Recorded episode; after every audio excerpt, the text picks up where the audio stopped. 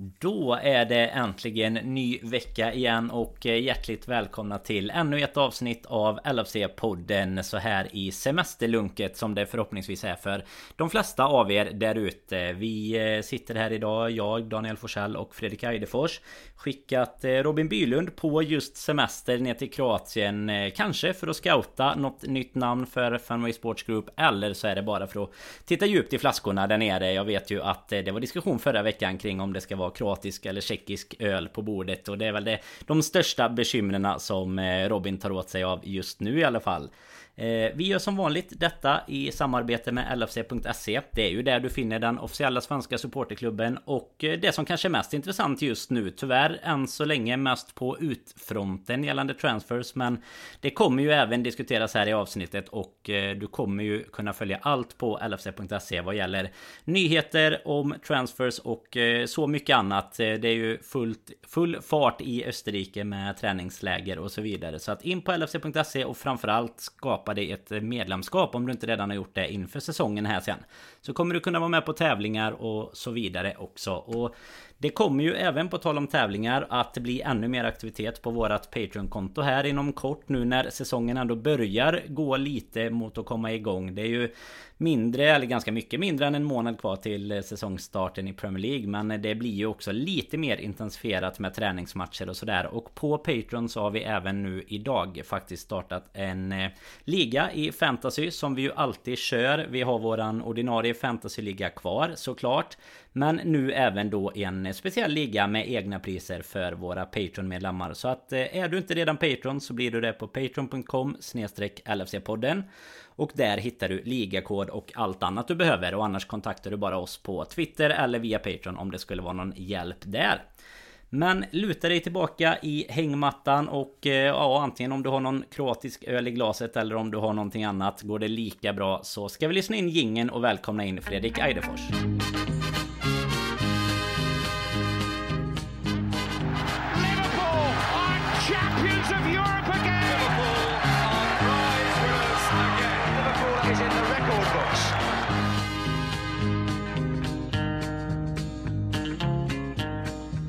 Jajamän Fredrik! Eh, kroatisk eller tjeckisk öl på semestern. Jag vet inte vad dricker man i Göteborg? Det finns väl eh, göteborgsk eh, öl med eller så kan man dricka vatten för den sakens skull. Ja det har ju varit lite, lite smått över, över, översvämningar i vissa delar av Göteborg. Men det har varit mest läckor så att det har varit annan typ av vatten här. Men man får hålla sig i värmen uppdaterad i form av lite gott vatten skulle jag nog säga Danne ändå nu när vi ska sitta här och podda. Måste ju vara på våra vara, ha med huvudet här nu när vi sitter och, och, och, poddar som alltid. Men eh, det vet jag att du kan göra oavsett vilket tillstånd du visserligen är nu när jag tänker efter. Men det, ja, det löser har oftast varit periscope när det har varit annat än, eh, ja.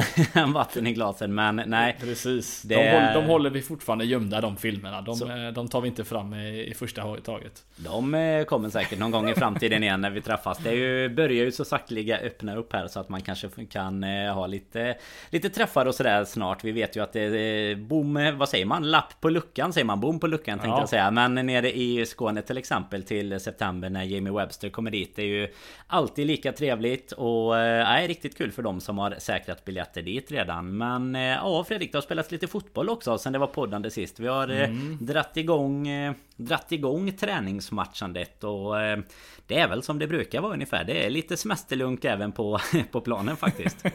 ja, det är nästan så det är mer tempo i mina ben än vad det är i de här försäsongsmatcherna. Det är Eh, visserligen som jag och Robin pratade om, det är skönt att det liksom i förra avsnittet att, att det liksom är på gång nu och att nu har du dessutom då startat och jag vet att folk har olika delade meningar kring det. Jag vill gärna höra vad du har att säga kring det. Men det är något charmigt ändå när det är en, liksom en, en tråkig tillställning. Även om det är försäsong. Det är, det är kul att kolla på. Det finns alltid någon som sticker ut lite och definitivt några vi kommer prata om här inom kort kanske som, som varit lite bättre än de andra här i, i början av de här matcherna. Så mm. att det, det, är, det är alltid kul tycker jag ändå när det spelas lite matcher. Även om de helt och hållet är ja, tråkiga eller, eller målchansfattiga på det sättet. Ja men alltså framförallt är det väl så här att efter liksom nu, nu har det ju varit ett eh, mästerskap i och för sig eh, emellan också så att nu, nu känns det inte som att det var så länge sedan då med vad gäller fotboll överlag som det har ju varit i ropet hela sommaren egentligen. Och sen var det speciellt förra sommaren i och med att säsongen avslutades ja, så, så sent som bara för några dagar sedan och ett år sedan då. Så eh, det, det, har ju varit lite speciellt sådär men alltså just i vanliga fall tycker jag att man då har man varit borta så att säga från fotbollen så pass länge också att då är det ganska skönt när de här matcherna det börjar i lite lugnt tempo. Det, Nu var det ju väldigt väldigt lugnt tempo i och med att de här matcherna mot Stuttgart och Innsbruck där var ju bara 30 minuter också så det, mm. det var ju väldigt väldigt lugnt. Men Alltså just Alltså man, man har ju alltid nu, nu är det ju så nu har ju vi om jag kan komma ihåg det från huvudet här är det väl Brassarna och Henderson som är borta på semester ja, fortfarande och Går man tillbaks lite där då så, så det är det alltid kul att se ja, men De spelarna man kanske inte får se så mycket av eh, under säsongen. Och, och, du nämnde ju att vi kommer nämna några och jag kan ju tycka att till exempel då Costa Simikas har ju varit en av Alltså utropstecken är väl fel att säga kanske i de här matcherna. Om man tar de två plus då Mainz matchen där så Ska man ändå lyfta ut några spelare där så, så tycker jag väl att det känns som att ja, men Både för en själv men även om man liksom ja, men kollar lite vilka det pratas om och skrivs om Så är det väl egentligen Simikas Delvis även Naby Keita faktiskt som har, har, sett rätt så Pigg och fräsch ut. Man vet ju att eh, Mané och Salah och de har, har, fått lite mer vila i benen nu eh, Vilket liksom nästan känns det som aldrig har skett innan under sommaren. Det är alltid någonting som Som mästerskap och lite sådana grejer som, eh, som händer va? Så att eh, känns känns ju ändå som att det finns en bra Ja, det, det, det, finns en bra förutsättning här och ja, ja. träningsmatcherna ska väl inte vara så jäkla roliga. Det ska vara, det, det, blir väl lite extra sömnigt för att det är mitt i juli. Man själv sitter på, på semestern, kanske solen skiner och sådär. Jaha, så ska man kolla på, på 90 minuter liksom där det bara... Ja, ja men man, lite som du sa, det skapas liksom lag, inte målchanser. som spelar. Ja men precis. Och det, det kan vi väl också komma in på i och för sig sen lite vad man kan... Eh, om man kan läsa ut något av det. Men, men är det... Har du någon annan än Simikas och Keita? Eller känner du lite samma sak där? Att det är de som har kanske stuckit ut lite mer än någon annan. Nej men det, det, är ju de som du säger. Jag tycker eh, man kan eh, stanna också lite vid Simika som har Ja, det är nästan på snudd till Ben Davis varning på det hela. Så man undrar ju om de har Om han, har, eh, om han lever överhuvudtaget. För man har inte sett så mycket av honom. Men det har ju mest att göra med att vi har en En Robertson som konstant spelar och han får ju faktiskt inte jättemycket möjligheter eh, i, slutändan då. Men eh, vi vet ju att det, finns en kvalitet i honom. Han kanske också, precis som många andra Liverpool-spelare som kommer till, till ansluter, att det, det tar en liten stund att komma in i det. Men han har ju också liksom framför sig den, får vi ändå säga, den svåraste liksom utmaningen. Och det är ju att slå sig in som en vänsterback i Liverpool, mm. eller ytterback snarare. Det är ju extremt svårt men men han ska ju inte vara nummer ett heller. Det är väl det som Nej. är skillnaden mot dem som du säger. Alltså typ Fabinho som tog lite tid. Det tog ju faktiskt tid även för Robertson. Om man kommer ja, ihåg så pass långt bak eh, när, när liksom Moreno sprang framför i stort sett. Men... Vilka tider där. Ja, det, det, var tider där. Men, men alltså- Moreno alltså, var första valet. Ja, men det var ju också ett tag när han... Jag kommer inte ihåg riktigt hur det var med alltså Robertsons spel och sen kom Moreno tillbaka och var riktigt bra sådär. Men, men grejen med de har ju varit att det, det har ändå varit spelare som Visst, delvis har förvånat kanske med Robertson eh, En sån värvning sådär men att, att det på något sätt har varit Alltså Fabinho har ju varit mer en tidsfråga Han ska spelas in, han ska spelas in i lugn och ro Men mm. Semikas är ju i en sån position Alltså det är ju svårt att bli inspelad när du har en spelare framför dig som aldrig typ är skadad eller behöver. Alltså nu, nu kan man ju också sätta dig på riktigt. Har han behövt vila Robertson egentligen? Kanske någon gång för, Eller har liksom Klopp tyckt att Kvaliteten dem emellan har varit alldeles för stor Så att det är bättre att spela med en, en halvtrött Robertson. Men vi märker ju att det, det syns ju inte på den killen om han är trött eller inte. Så mycket kan vi ju Kan vi ju säga i alla fall. Nej, nej men precis. Alltså det Ja, det kommer ju komma möjligheter. Förra säsongen vet vi ju, den var ju speciell. Jag tror Klopp kände med alla skador som var att han, han hade inte råd att vila någon om, om det inte var verkligen supernödvändigt. Och det, det kanske det inte riktigt var. Robertson klarade sig ju att spela mer eller mindre varenda match. Så, att, eh, så det, det är inte så konstigt. Men, men det kan ju bli intressant den här säsongen att se om Semikas får, får lite speltid för eh, det är inte så att han, han är raka motsatsen till Robertson utan det är ju en spelare med en fin vänsterfot, eh, har lite spring i benen dessutom så han flyger fram där på kanten precis som eh, Robertson gör. Eh, bara att Robertson kanske gör det lite bättre just nu då men eh, definitivt en spelare som, eh, som på något sätt i situationstecken gratis här nu kommer in som ett nyförvärv. Jag vet att jag inte brukar gilla att prata om det på det sättet men det finns ju faktiskt några spelare, Danne får jag ändå säga, som som kanske blir som det är den här säsongen. Men eh, sen ser vi ju gärna nya tillskott ändå. Eh, men eh, Semikas kommer ju definitivt få, få lite plats här. Det, det, det är jag helt säker på nu när den här säsongen startar. Det låter ju nästan som att du är FSG-skola där när du liksom drar in de här spelarna som nyförvärv nu Men vi kan, vi kan väl Nej det kan jag säga Danne, det är jag inte. Nej det är bra, det är bra. Absolut inte. Vi kan väl för protokollet bara säga att båda de första matcherna där 30 minuters matcherna blev ju 1-1 Det var Origi som startade säsongen med första målet. Mané gjorde mål i den andra matchen och sen så vann vi ju med 1-0 där mot Mainz då i Ja men ett lite komiskt självmål egentligen. Det i sista som hände nästan tänkte jag säga med fem minuter kvar ungefär. Och det som Alltså Liksom mer än att lyfta sådär okej okay, vad var det för målchans där och inte så, så kanske det är just det här kring spelarna man Ja men man är mest intresserad av att prata om. Och två saker egentligen som jag tänkte vi, vi kan eh, landa i där Det är ju att eh, du hade ju Keller gick ju före Adrian Alltså om man nu ska se det, det bra mm. laget Kan man väl kalla dem som spelar i, i första halvlek tycker jag Om man ska kolla till namnen Och eh, det var väl egentligen Keller före Adrian Och sen då att Oxlade spelar Alltså när ändå då Curtis Jones, Minamino, Minamino och Origi spelar i I andra Det är väl egentligen de två enda Och kanske har Elliot framför mig Men har du liksom några några känslor kring det och kanske främst då egentligen så säger det väl någonting om målvaktsstatusen där. Båda har ju precis fått eh, belönats med nya kontrakt, eh, Keller och Adrian där. Mm.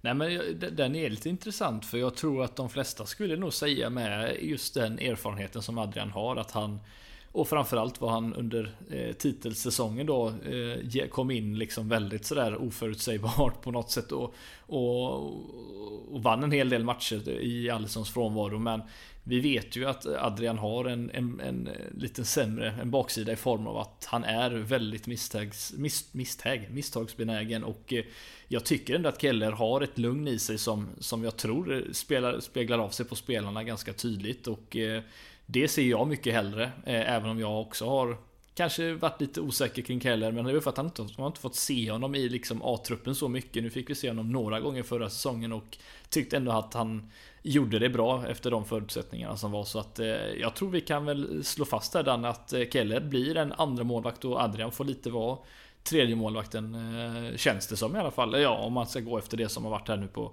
försäsongen. Men jag tycker ändå att man brukar kunna se ganska mycket från hur lagen ser ut och sen dra en slutsats kring det. Tror du inte det?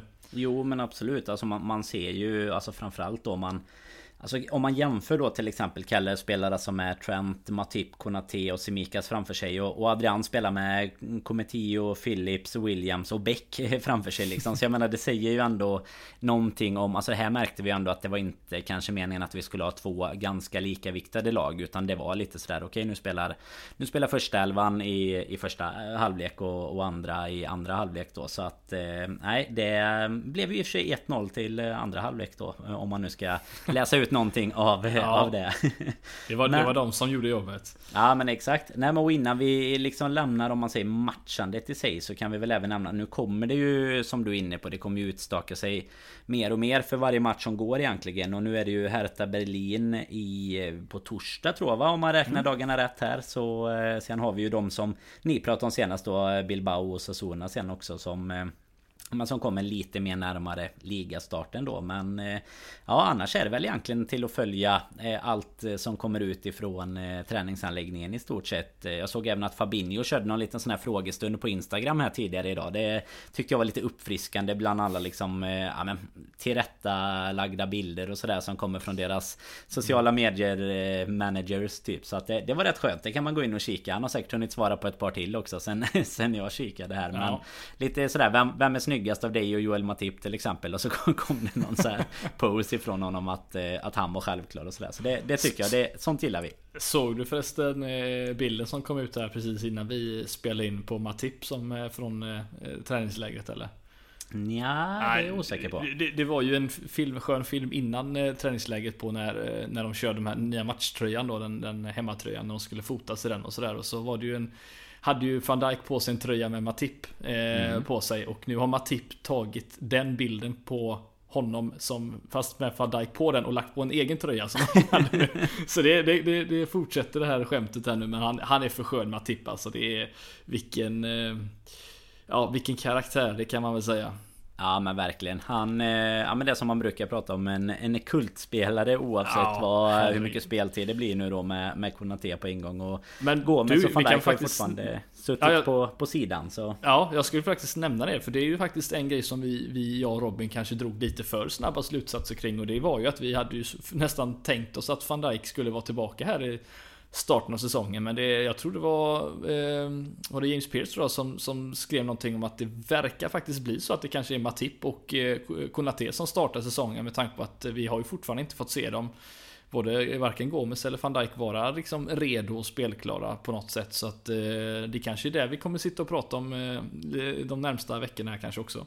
Ja absolut, alltså i, i och med att ju närmare vi kommer så kommer det ju också vara svårt att kasta in någon helt utan matchtempo oavsett mm. om man heter eh, van Dijk liksom. Det, det blir väl kanske så att, eh, alltså jag, jag, vet att ni hade lite diskussionen i det förra avsnittet om det kanske blir alltså Matip framför Konate i så fall just för att han inte, ja men det här som vi pratade om nyss egentligen, att han inte är invand i kanske systemet och alltså hur, hur Klopp vill, vad, vad han vill få ut av sina spelare och sådär. Men, men diskussionen är ju faktiskt som du säger kanske snarare kring vem som ska spela den andra mittbacken i så fall om nu båda fortsätter borta. Men det, det får vi väl se. Det blir väl spännande här ja. nu till att se till eh, torsdagens match till exempel. Om, om någon av dem är, är redo eller inte. Men jag menar skulle det vara Gomes. Det var ju lite rykten om att han skulle ha slått upp någon skada. Men det dementerades ju av klubben mm. sen. Men eh, skulle det vara han som är redo så det är ju även en liksom kvalitetsmatch mellan han och Matip tror jag. Van Dijk är ju liksom given såklart. Men de två emellan så är det nog inte helt solklart att Gomes är första valet bara för att han har varit det tidigare om han skulle komma tillbaka. Han har ju ändå en...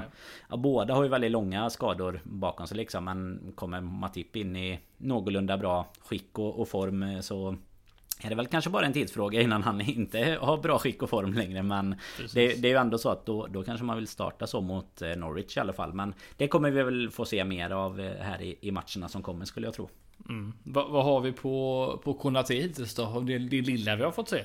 Eh, För det är ändå liksom debut så det kanske inte är så mycket att läsa in på. Men, men man ser ju liksom i alla fall vad det är för typ av Spelare för de som kanske inte har sett honom jätte, jättemycket tidigare och sådär så, så tycker jag ändå att han, han, eh, han visar ju precis vad han är för typ och framförallt hur explosiv och, eh, och, och stark han är som, mm. som spelare. Det, är, eh, det kommer faktiskt bli väldigt fascinerande att se nu när när vi kommer liksom in i, i toppform med kanske då van Dijk tillbaka hela den biten. Det ska bli jäkligt kul att se hur hur, hur det kommer se ut faktiskt. Ha Trent och Robertson på varsin kant som flyger upp och ner och så har man de två bjässarna där som styr spelet och som kan ligga ganska högt upp dessutom och ändå hinna med eh, långbollarna där bakom dem. Så att eh, nej, det, det slickas runt munnen redan nu Danne, det kan jag säga. Ja men och relativt alltså att båda två om det nu blir de som spelar framöver alltså är trygga och, och duktiga med boll och sådär mm. också. Det är väl också en sån En sån faktor man, eh, man tycker är ganska skön att ha. Jag menar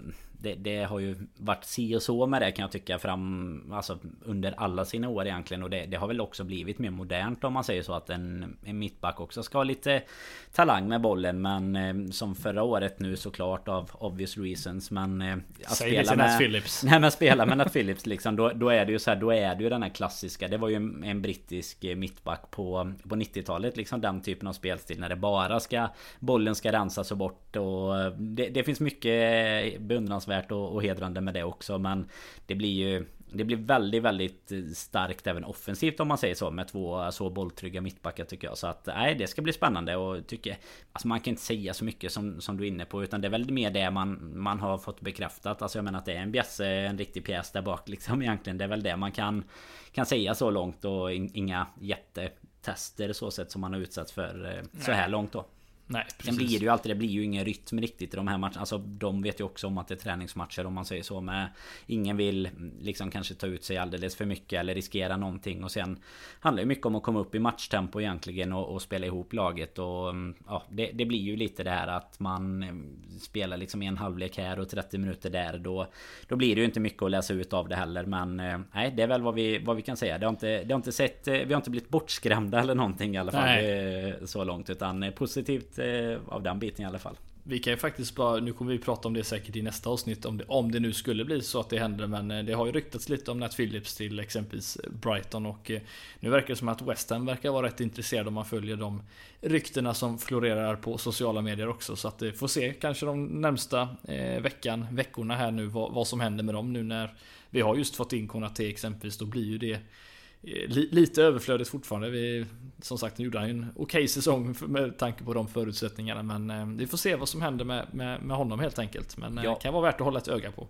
Ja, och det var ju egentligen alltså inför förra säsongen så var han ju också överflödig. Alltså utan, mm. utan att vara sån. Utan det, det, är ju mer, det var ju bara för det extremt eh, konstiga med alla skador. Så att eh, det, det är ju däremot lite sjukt när du nämner West Ham just för det var ju lite rykten med Origi också. Tänk om de hade dragit in Nat Phillips och Origi liksom till, West Ham. Det, det är 30, det 30 miljoner pund färdigt. Ja, det, det, känns ju inte som att man eh, jobbar och aspirerar för en topp 4 placering då i alla fall. Som de, eh, som de liksom hade känt på förra säsongen. Men eh, ja, vem vet. Men vi har ju, vi kan ju fortsätta på det spåret i och för sig. För vi har ju Avonigi, är det godkänt? Är eh, nästan lika bra som eh, när jag skulle uttala Quivin Keller. Bra uttal. Tack. Taiwo Avoniji. Ja, Wilson numera också. Och Grujic som ju släpptes typ eh, ja, men fem minuter efter att du hade bekräftat det i senaste avsnittet. Så nej, det direktlinan till Edwards funkar även där. Men ja. Drygt 30 miljoner är ju faktiskt summan också. Du nämner ju just 30. Det är ju drygt 30 som vi har fått in Ja egentligen på de tre. Eh, Alltså egentligen kan man väl konstatera att det är ju spelare Finns ju många fler också känns det som Men det är ju spelare som inte hade fått eh, Alltså mer än en ligacupkvart i stort sett och ja, någonstans då så, så ska det också kanske spenderas förhoppningsvis. Så kom ju något eh, lite halvlöst rykte idag om att eh, vi skulle vara, vara inne på att lägga 100 miljoner euro på eh, Kesa. Eh, italienaren som eh, ja, men gjorde, man får väl kalla det succé såklart i, i deras eh, vinstlag i EM här. Vad, vad har du på det riktigt?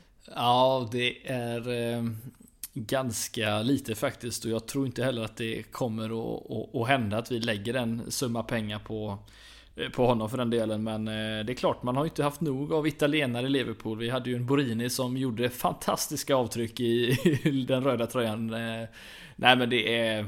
Glöm inte Akilani. Ja precis, nej, men han, han, han, han känns nästan... han, har ju, han är en egen nivå så att säga.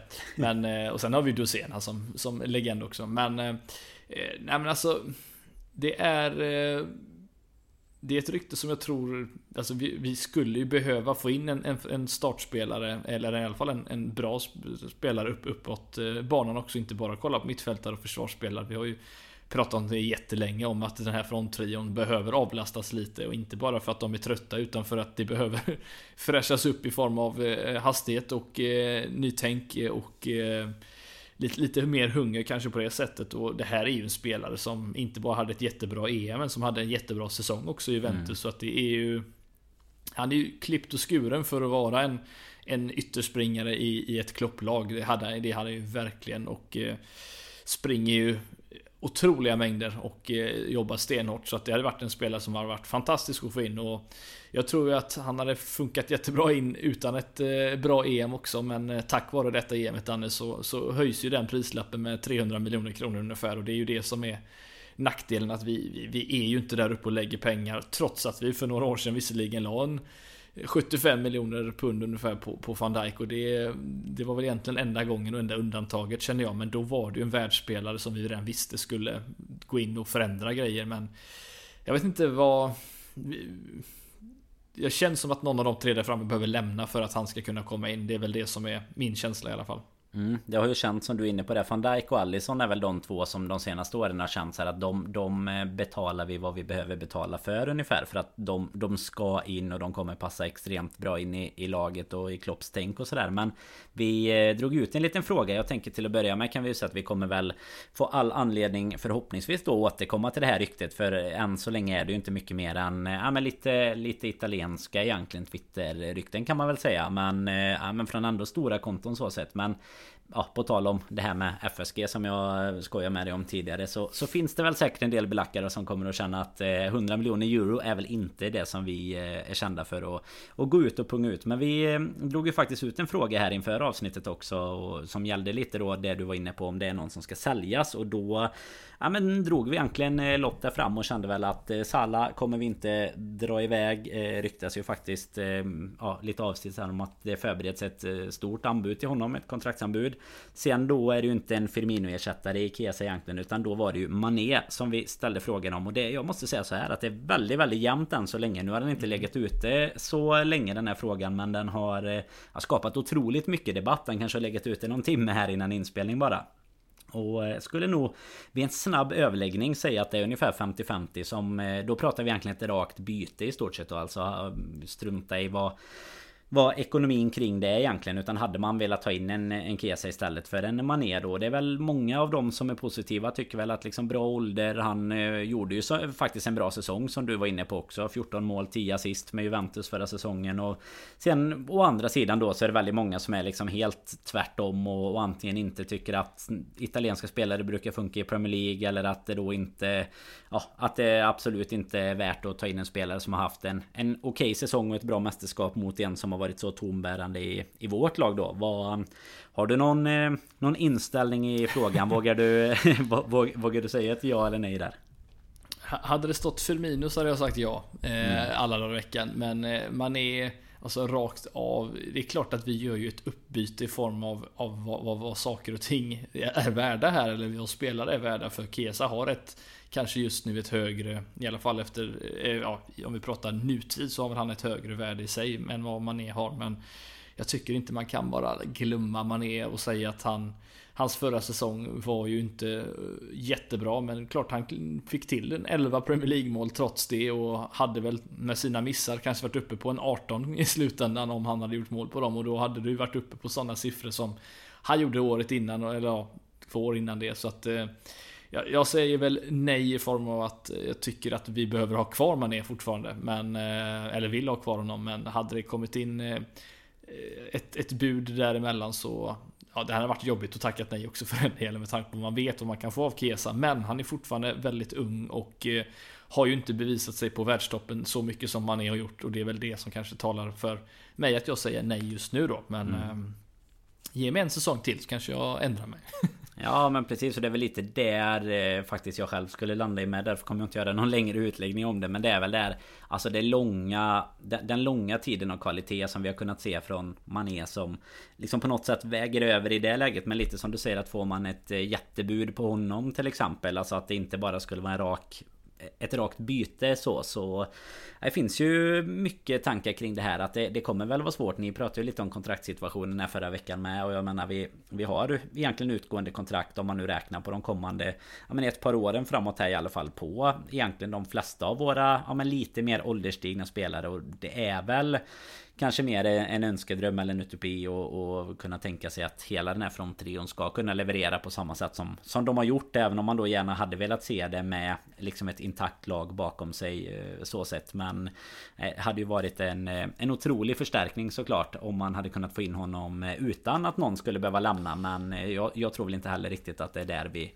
Det är där vi sitter idag utan då tror jag att någon nästan skulle behöva eh, lämna där fram. Och, och, jag tror tyvärr inte att det är Firmino egentligen för att det inte blir riktigt den positionen. Det är väl om man Nej. skulle spela in någon av de andra eller byta spelsystem helt. Men det Jag tror inte att vi är där idag utan då är det ju Egentligen Mané som, som kanske ligger ja, först till hands där om man säger så. Men är, jag tänker bara på liksom spelare som, ta en sån som Horigi exempelvis. Han har ju överlevt väldigt mycket nu och eh, vi, vi har väl i flera säsonger kanske tyckt att det kanske kunde varit dags och han eh, Man skulle, skulle väl kunna för något år sedan eller två fått in en eh, liksom så här, 20 miljoner pund för honom säkert med tanke på att det finns Premier League-klubbar som ändå är villiga att betala i slutändan. Men eh, jag tänker på en sån som Oxlade exempelvis som som inte kanske har rosat marknaden på sistone och som nu testats lite som anfallare också i under försäsongen. Och, alltså, han, är ju, han har ju inte kommit tillbaka från skadan och, och, gjort sig rätt i slutändan. Det är väl snarare så att hade man kunnat hitta lite pengar där så hade det varit eh, Hade man ju haft plats och möjlighet att få in en sån storspelare men Ja, det ska mycket till för att eh, de ska lämna. Vi, det är bara sjukt att vi får så mycket pengar för spelare som knappt tagit på sig den röda tröjan mer eller mindre. Det, det är ju häpnadsväckande bara det egentligen Danne, att vi får in så mycket pengar. Eh, det, det, det, det gör de bra. Eh, får vi ändå säga, i klubben och Edwards och vem det nu än är som bestämmer de här grejerna. Men, eh, ja, men man pratar ju ofta om att, du vet, man pratar ju ofta om typ Citys bänk som är helt galen med liksom spelare som hade spelat mm. första lagsfotboll i typ alla lag. Sen Chelsea som har alla sina sådana här utlåningar och liksom 784 spelare som, som bara är på lite tillväxt som de kan sälja av sen. Men man känner ju även att alltså när man går igenom typ vilka som finns. Nu är det ju i och för sig våra kanske bänkspelare då så att vi, vi kommer ju behöva ersätta dem på ett eller annat sätt. Men vi har ju Origi, Shakiri, Oxlade, alltså med flera där man ändå känner att det hade kunnat gå att få in en hel del pengar.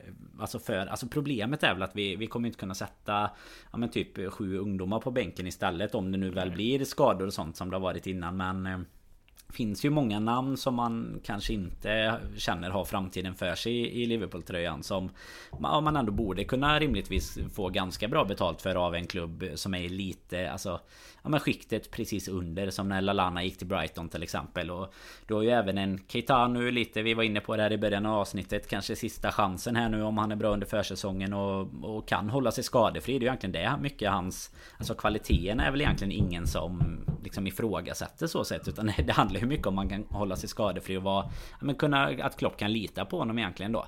Mm. Eh, annars är det också en spelare som givetvis hade kunnat rendera några summor och sådär. Så det, det, finns ju absolut där men frågan är ju vad man ska ersätta det med för man kommer inte heller kunna Alltså vi vill ju kanske ha in något stort namn om man pratar en Kesa till exempel Men sen måste man ju också då i så fall ersätta Alltså Origi till exempel med, med någon som kanske är lite samma ja, men i ungefär samma fack och då är ju lite frågan om Alltså jag tror väl ofta att klubben tycker att då kanske det inte är värt att, att sälja dem. Eller nu, nu kanske det var ett dåligt exempel. Men tar vi Smikas till exempel då. Så det, det är ju lite så här. Vi behöver ju ha någon bakom Robertson. Om han nu skulle gå sönder.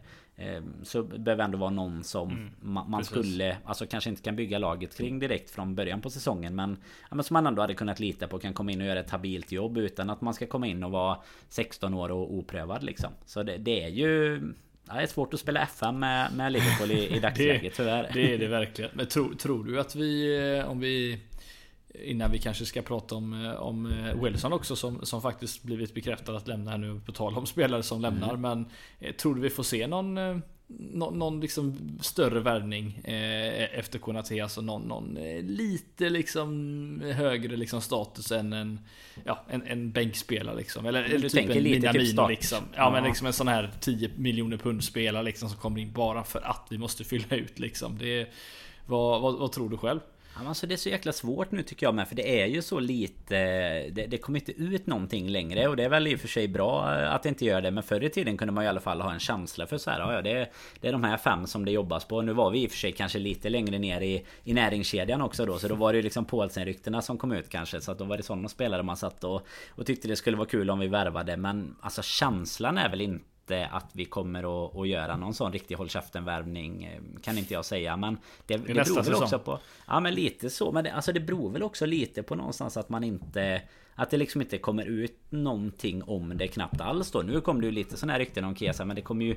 Alltså jag vet att vi har pratat om det här mängder med gånger innan men jag menar alla de här journalisterna och sånt som, som ändå är betalda för att följa klubben. Eller nu vet man knappt vart de får sina betalningar från längre med känslan med hur de skriver så. Men alltså det finns ju inget liksom undersökande, grävande, försöka få från ytterligare en källa. Utan nu sitter man ju liksom egentligen på Alltså de bästa källorna i stort sett du kan få på något sätt. Det är ju mer eller mindre ja, men, trovärdiga konton på Twitter liksom som har kontakter med agenter och, och klubbledningar mm. och sådär. Det är ju inte det är ju inte Peers och, och de som skickar ut att nu Utan de, de kommer ju när det är klart liksom Okej nu är det bekräftat Nu får ni skriva att Harry Wilson har lämnat idag eh, Typ i morse var det väl Då, då kan ni skriva att det är 12 miljoner plus add-ons och, och, att det finns 15% vidareförsäljningsklausul liksom det, det är ju verkligen den, den lokala WhatsApp-gruppen som eh, ja, bestämmer vad som kommer ut som, som får och, och egentligen är det väl jättebra för det är väl så man ska jobba för men annars ja. Vi vet ju hur vi pratade förr om att det alltid höjdes prislappar utefter liksom Okej nu är Liverpool intresserade då Då lägger vi på en nolla här på priset med Men eh, vad tror du själv? Tror du att det finns någon Något S i rockärmen som man så fint brukar säga? Eh, Får, vi ut någon spelare till ur, ur eh, någon spelare kanske extra som vi får några, några någon slant ytterligare för så, så tror jag att det finns. Jag tror det finns en tanke där, det tror jag.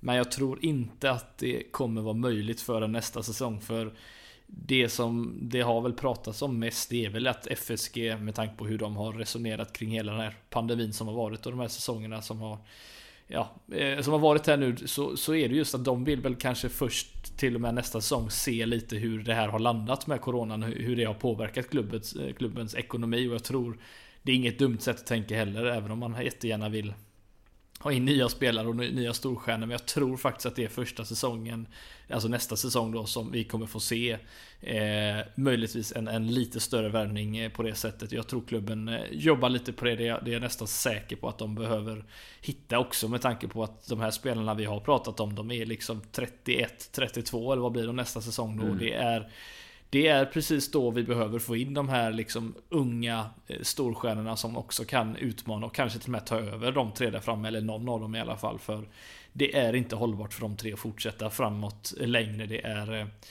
det, det, det, kommer liksom inte hålla. Men eh, nej, jag tror första, först och främst nästa säsong vi kommer få se eh, kanske något stornamn eh, i, i slutändan. Vi, Mbappé blir free agent så vi får väl se.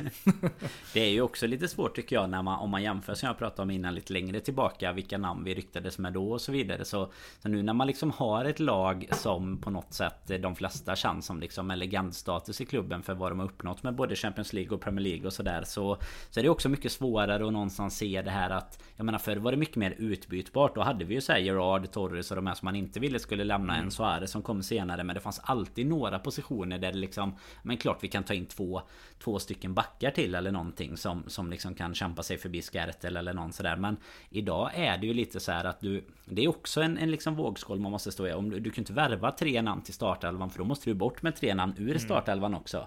Eh, Utan det, där behöver man ju kanske Alltså det är där jag också kan tycka att Exempelvis då Kesa hade varit helt perfekt för att det är en yngre spelare som men kanske lite kan liksom kom, alltså lite som Jota kom in och, och liksom ja, men spelas in och användas ja, men ganska mycket Överraska ändå. lite ja, men, och visa att han faktiskt förtjänar en plats på det sättet Ja och även om han då kanske lite Alltså skulle kommit nu efter sitt EM och sådär med, med lite högre förväntningar Så tror jag ändå att det är så här han, han ska inte komma dit och liksom vara given från start ändå lite så Alltså som sagt det är typ bara van Dijk och Alisson och, och nu just de allra senaste då Sen har det ju varit samma med, med Salah och alla de tidigare då men att, att man på något sätt Alltså du, du måste ändå jobba För jag kan inte se någon position egentligen där jag känner att så här Ja men där måste vi ta in ett jättestort namn som ska in i elvan Utan det, det skulle nästan snarare bero på Ja men vad som händer med typ skador och, och form och, och mm. sådär Men vi har ju det, vi, har, vi har ingen dålig startelva till att börja med Och det är det som är så svårt ibland när man Diskuterar just transfers liksom att det, fin, det är klart att det finns tusen spelare man skulle vilja ha in Men det är ju på bekostnad av någon annan och det är ju där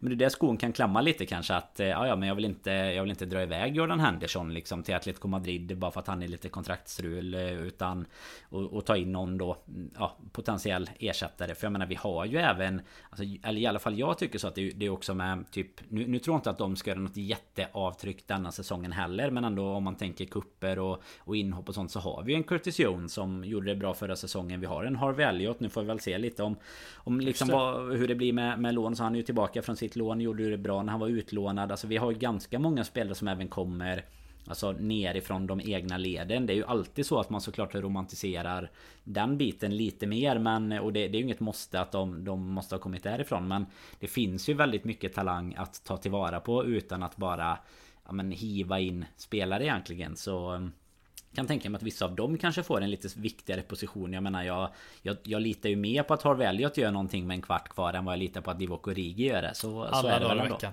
Alla dagar i veckan. Jo, och sen har vi en Minamino också som kanske får, ja. om han nu stannar alltså och, och får testas in igen. Alltså, han fick ju alldeles för lite chanser i slutändan med tanke på hur jävla mm. dåliga de var framför mål från trion förra säsongen förutom Salah då. Så, så fin, det finns ju ändå en, en möjlighet men det är klart, är det här säsongen Danne som man ska så man ska chansa på det i slutändan. Alltså vi vill ju tillbaka till toppen. Vi ser ju ett, ett lag som Chelsea som de fick ju verkligen vittring nu med, med Champions League-vinsten och, och, och liksom en Champions League-plats här. Att de verkligen kommer att satsa. Hur liksom är vi säkra på att vi kommer hålla den höga nivån om vi inte liksom ändrar om något? Jag menar, vi har som du säger, vi har ett jättebra startelva, jättebra startelva. Där är vi kanske liksom när vi är när vi är som bäst, då kanske vi är bäst av alla. Det, det kan mycket väl vara så. Eh, till och med bättre än City. Men det är, eh, vi, någonting behöver ju hända men det kanske som sagt är först främst nästa säsong som det kommer att ske. Och eh, jag är helt klart beredd att ge vissa av de här spelarna som Jones och, och, och ja, kanske då en Elliot men framförallt Jones en chans istället för att hämta in någon den här gången. Men kanske se, se det nästa säsong i så fall. Det, jag tror det är då vi kommer att få se dem de mesta. Men, eh, och det är också då vi för övrigt får betalt för Wilson som det verkar Danne, ja. med tanke på att det är Det är en sån där Coutinho-affär som vi pratar om, men som kanske då vi är tredjeparts eh, som går in istället och, och betalar ut det och då blir det först och främst nästa säsong eh, som vi får de pengarna för om jag inte minns helt fel så var det väl ett bud på honom från, var det från Benfica förra säsongen? Mm. Och det var ju lägre summa dessutom och med det EMet som han hade, han var väl eh, enligt Who Scored så var han väl den näst sämsta ratade spelaren på i hela turneringen. Efter vem då? Oj, vem kan det varit? Den sämst rankade spelaren Sam i EM. det vet jag faktiskt inte. Neko Williams. Ja, bara de två? Han, han, de två var sämst rankade. Ja, eh, ja, det är skönt att ha dem i truppen. Eh, ja, inte längre då, men... Eh, nej, men Neko är kvar. Det, ja, Neko är kvar. Eh, nej, men jag tror att vi, det är först och främst nästa säsong vi, vi, vi kommer få se någonting. Det, det är jag helt säker på. Med tanke på hur den här klubben drivs så tror jag inte att man har möjligheten att få in någon eh, för den summan om man inte eh, får någon på utgången som, som kostar lite pengar för motparten också då. Nej, sen är det ju intressant att se vad typen Curtis Jones kan göra med sina chanser. Jag menar, mm. är det så att, eh, att man liksom hamnar åt fel håll och, och, blir lite besviken och det inte blir riktigt vad man hoppas. Nej, men då vet man ju också att då är det en spelare som Som kanske säljs vidare eller någonting eh, längre fram. Alltså jag menar någonstans om de är så pass bra eh, att man ändå kan använda dem i truppen så måste de ju också få sina chanser. Eh, sen eh, tror jag väl lite som du säger eh, att det, det kanske ändå krävs lite nytt blod hela tiden. Alltså det behöver ju inte alltid vara att det är några stjärnvärvningar som kommer in men någonting måste nästan hända. Om det är nu eller om det är nästa säsong så ska man ändå kunna bibehålla den här allra högsta nivån så, så får man ju inte bli fett and happy på sin position heller utan man behöver ändå känna att det finns lite konkurrens och där blev ju Jota ett liksom perfekt exempel för som kan spela både centralt och på kanterna egentligen. Och gjorde liksom riktigt bra, gjorde mål sådär. Då, då blir det ju så att nu kommer ju fronttrion behöva jobba på om inte han ska in och, och liksom ta en plats där. Så att tror ändå att eh,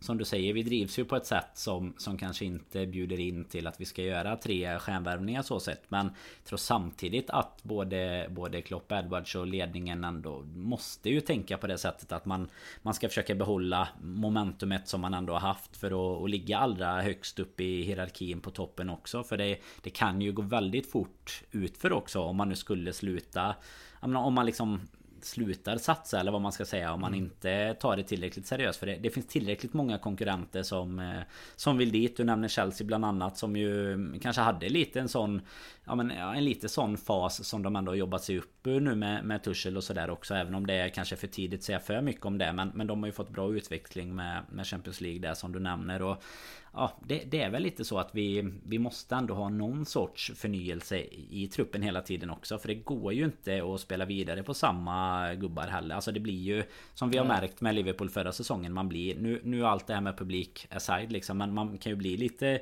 sönderläst och, och sådär också på vilket sätt man ska spela. Och jag menar spe, spelar du riktig Allardyce fotboll mot oss då får du i alla fall ett 0-0 eller möjligtvis till och med ett 1-0 om du får någon liten målchans själv sådär. Så att det, ja, jag vet inte. Det, det behöver ju alltid hända någonting. Man behöver ju ha lite men lite andra tankar också kring eh, Ja men kanske hur man ska Vad man ska kunna laborera med om det nu inte går som man vill. Det är ju Kanske det största problemet vi har tyckt att Klopp ofta har haft att eh, Jag menar går det, går det bra så behöver man ju aldrig diskutera det. Men Är det tufft i matcherna och du har en kvart kvar att göra någonting med Ja men då kanske man Behöver ha någonting på bänken eller du behöver kunna liksom joxa med ett spelsystem eller sådär. Eh, Det är väl Det är väl det som, mm. som kanske saknas framförallt och då är det ju inte som sagt Då kanske det inte bara är de här allra dyraste värvningarna som man ju oftast gärna vill se för att det, det är det som skapar rubriker. Men det är ju det är de smarta värvningarna som man sitter och gottar sig åt mest i slutändan ändå.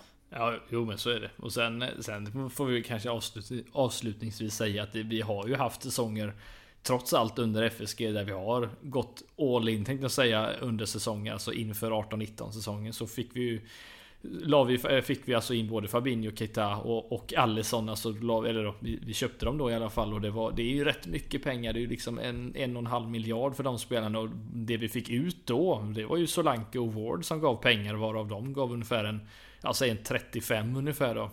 Mm. En miljon euro. Och det, så det, det, finns ju möjlighet när klubben känner att de vill satsa så kommer de att göra det. Alltså pengarna kommer alltid att finnas. Det, det jag tror det bara handlar om rätt läge och rätt spelare. Det, det är som det alltid har gjort. Så att, eh, nej, vi får, vi får se helt enkelt eh, vad som händer. Men eh, jag tror inte Konate är den enda spelaren som vi tar in den här säsongen. Utan jag tror att det mycket väl kommer kanske bli någon, något tillskott. Men ja, vi får se vad, vad det blir i så fall. Finns det någon position som, som du själv skulle känna så här att ja, men det, jag hoppas att det i alla fall är den positionen vi kikar på? Uh, alltså jag, jag, jag, skulle jättegärna vilja få in en, en, eh, en offensiv mittfältare som kan stå för lite poäng. Men det är ju jättesvårt att hitta en sån som kan göra det som ska komma in och inte vara en startspelare. Det är ju nästan, det måste nästan vara en spelare som ska gå in och starta varje match. Det är väl det som är problemet. Så att, eh, nej, jag, jag, ser väl egentligen att vi behöver ha någon, någon ytterligare där framme. Kan man, kan man ha alltså en trupp bestående av väldigt eh, anfallsuppsättning i form av Salah, Mané, Firmino, Jota och någon storspelare till där så hade vi ju haft eh, väldigt bra förutsättningar inför den här säsongen skulle jag känna. Så att jag, tror, jag tror det är där jag hade velat lägga mina pengar om jag fick välja. Ja, och det, allt, allt är ju liksom under förutsättning att spelarna håller sig skadefria och friska också. För jag menar, tittar man ändå på truppen så men alltså vi har ju, tittar man på mittfältet till exempel med en, en Fabinho, Thiago och Henderson som kanske någorlunda då första val på den trion och sen har du ändå en Keita, en Curtis Jones och så vidare bakom då Då finns det ju ändå lite bredd i truppen med men det är klart att vi, vi har ju Och det kan man ju inte räkna med heller att man alltid ska ha alla tillgängliga för det har vi väl i stort sett aldrig haft känns det som och framförallt många Många spelare som har varit skadade mer än andra men jag är väl inne på ditt spår annars att kanske någon Ja men en, alltså en central anfallare egentligen som eh, Ja, antingen då på tillväxt och, och ersätta Firmino framöver eller om man skulle ha något eh, liksom alternativ och, och variera med så sätt. Eh, det är, väl, eh, det, är väl det man skulle vilja ha eller som, som du är inne på det kanske någon men en, en mittfältare som levererar lite mer poäng än vad våra mittfältare har gjort nu de senaste åren. Det har vi ju definitivt inte varit bortskämda med. Och det är väl det man fortfarande kanske får röna en liten dröm om att Keita skulle kunna bli om han nu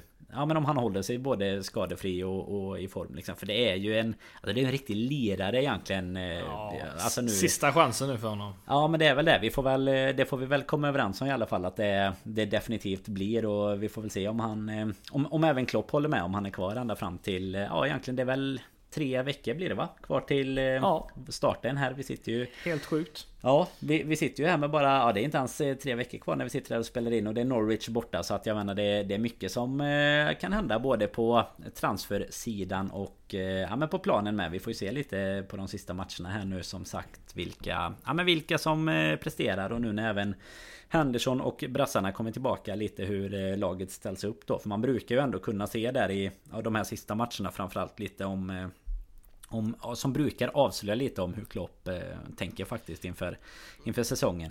Och vi har ju fått se några, några goa eh, liksom sådana typer av matcher. Alltså de här sista innan, innan det verkligen drar igång. Vi har ju en eh, 4-0 mot Dortmund på Anfield exempelvis. Det var ju då Sturridge och Coutinho stod för dem. Det var det ju visserligen inte under, under Klopps tid. Men vi har ju eh, samtidigt, vi har ju sett 4-0 mot Barcelona. Vi har ju lite sådana matcher eh, Danne som vi kanske får se nu. Och nu kommer vi verkligen eh, få tillbaka spelare som kan storspelarna och startspelarna. Så det kan bli kul att se dem. Jag ser ju främst fram emot de matcherna på, på Anfield med lite publik som det verkar också eh, i slutändan. Eh, en hel del kanske till mm, och med. Det pratades väl 75% att, tror jag va? Det var ja. väl det, det de sa när Och det de är rätt många ut. för att vara på Anfield eh, här, ja, på senare tid om vi säger så då. Ja verkligen, det kommer så... ju kännas. Vad var det? 10 000 på sista va? Jag kommer knappt ihåg ja, ens vad det, vad det fick precis. vara på sista omgången. 10 eller 12, något sånt där ja. för att det var. 75% Men, blir väl i alla fall runt en 40 någonting va? Ja 40 va? tror jag det har pratats om ungefär ja.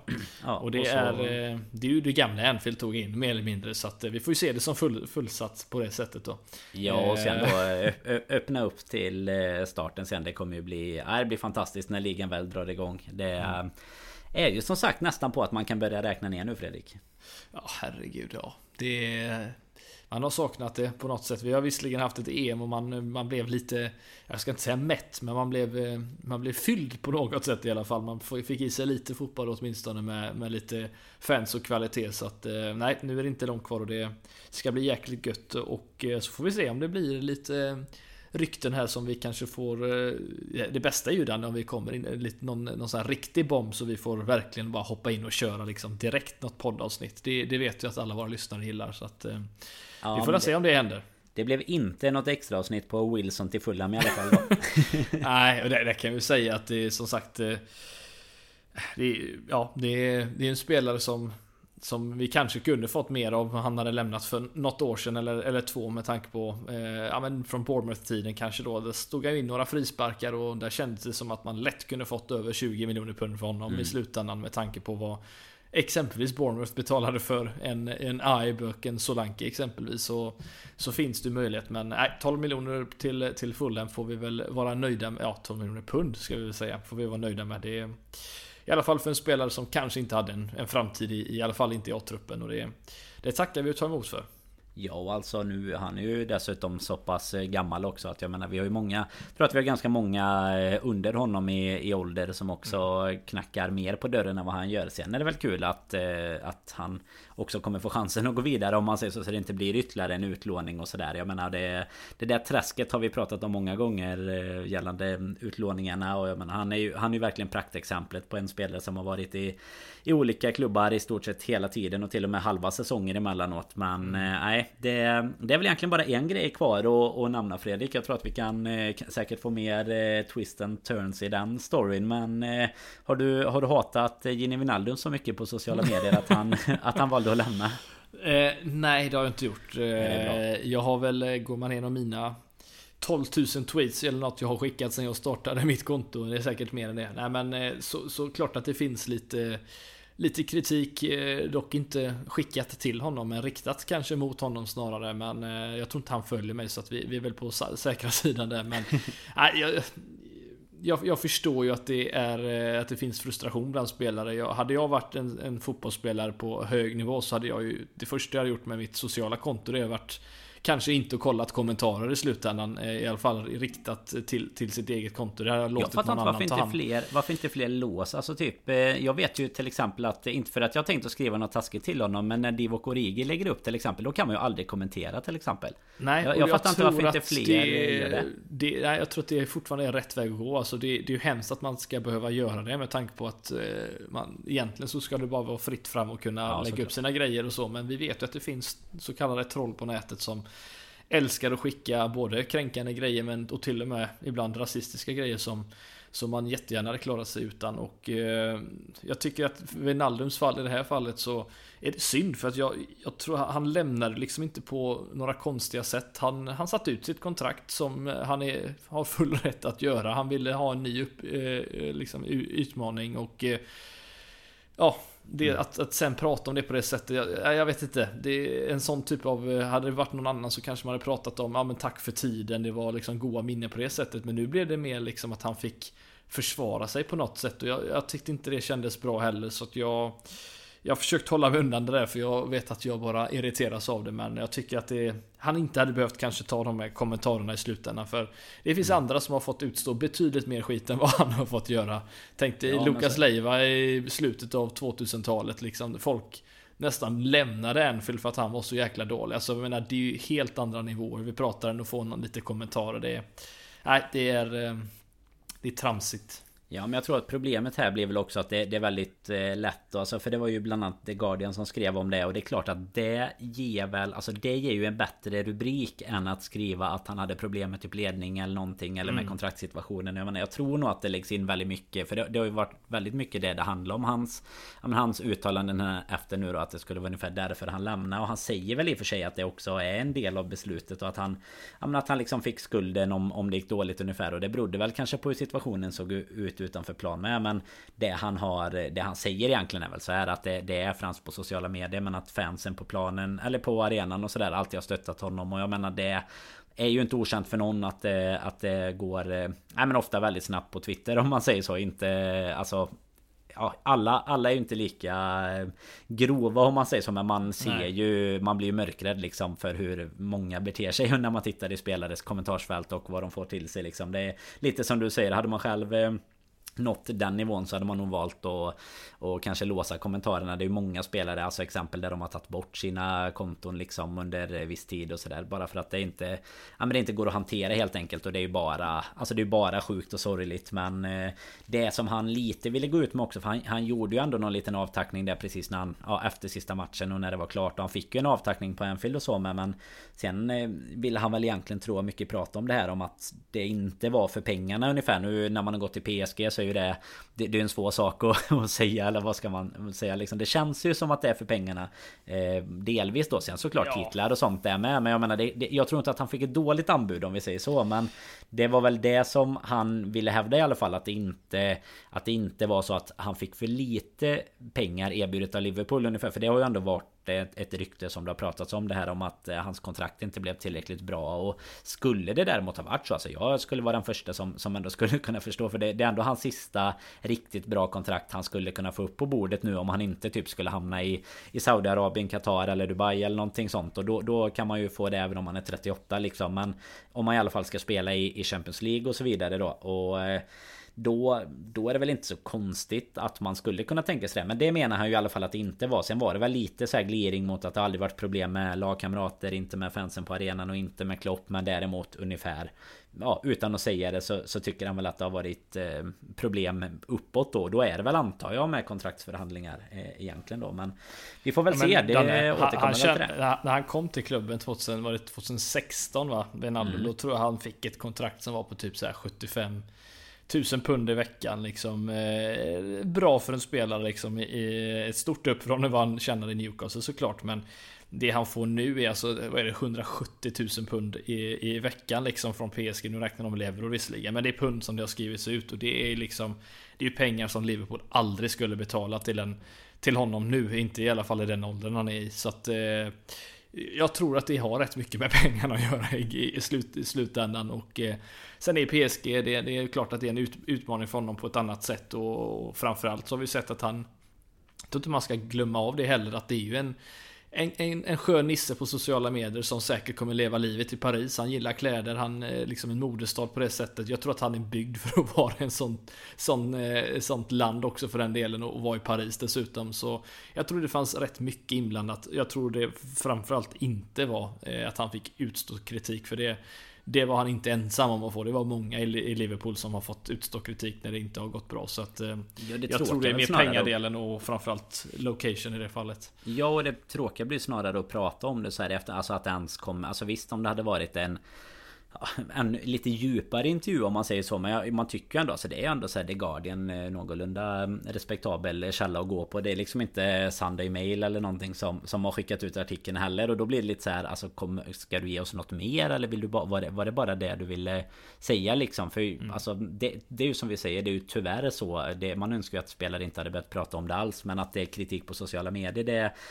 ja, det, det, var ju ingen nyhet för någon i alla fall att man kan ha tyckt att det var jobbigt för, för det vet man ju att han har fått utstå liksom både säkerligen både innan och efter eh, kontraktssituationen om man säger så. Men nej, vi får väl se om vi får eh, återkomma i, i Wijnaldum-sagan. Han såg jäkligt glad ut när han gick av planet i alla fall innan innan jag skickade bort han i eten där nu. Man, man kan ju inte följa alla spelare som har, eh, har lämnat för då blir det alldeles för mycket content. Så han, han fick avsluta Följer du inte Voronin säger alltså på Ja men sådana, sådana legender det tar man aldrig bort. Eh, nu ska jag i och för sig inte sätta några sämre stämplar på Vinaldum för han har varit med om mycket men han såg jätteglad ut och har landat i Paris och då kände jag att det, det är så jag, jag får minnas honom utöver Barcelona och lite andra fina grejer då. Men eh, nej, det är väl eh, det, det, är väl till att se om det kommer någonting mer från honom helt enkelt. Och mm.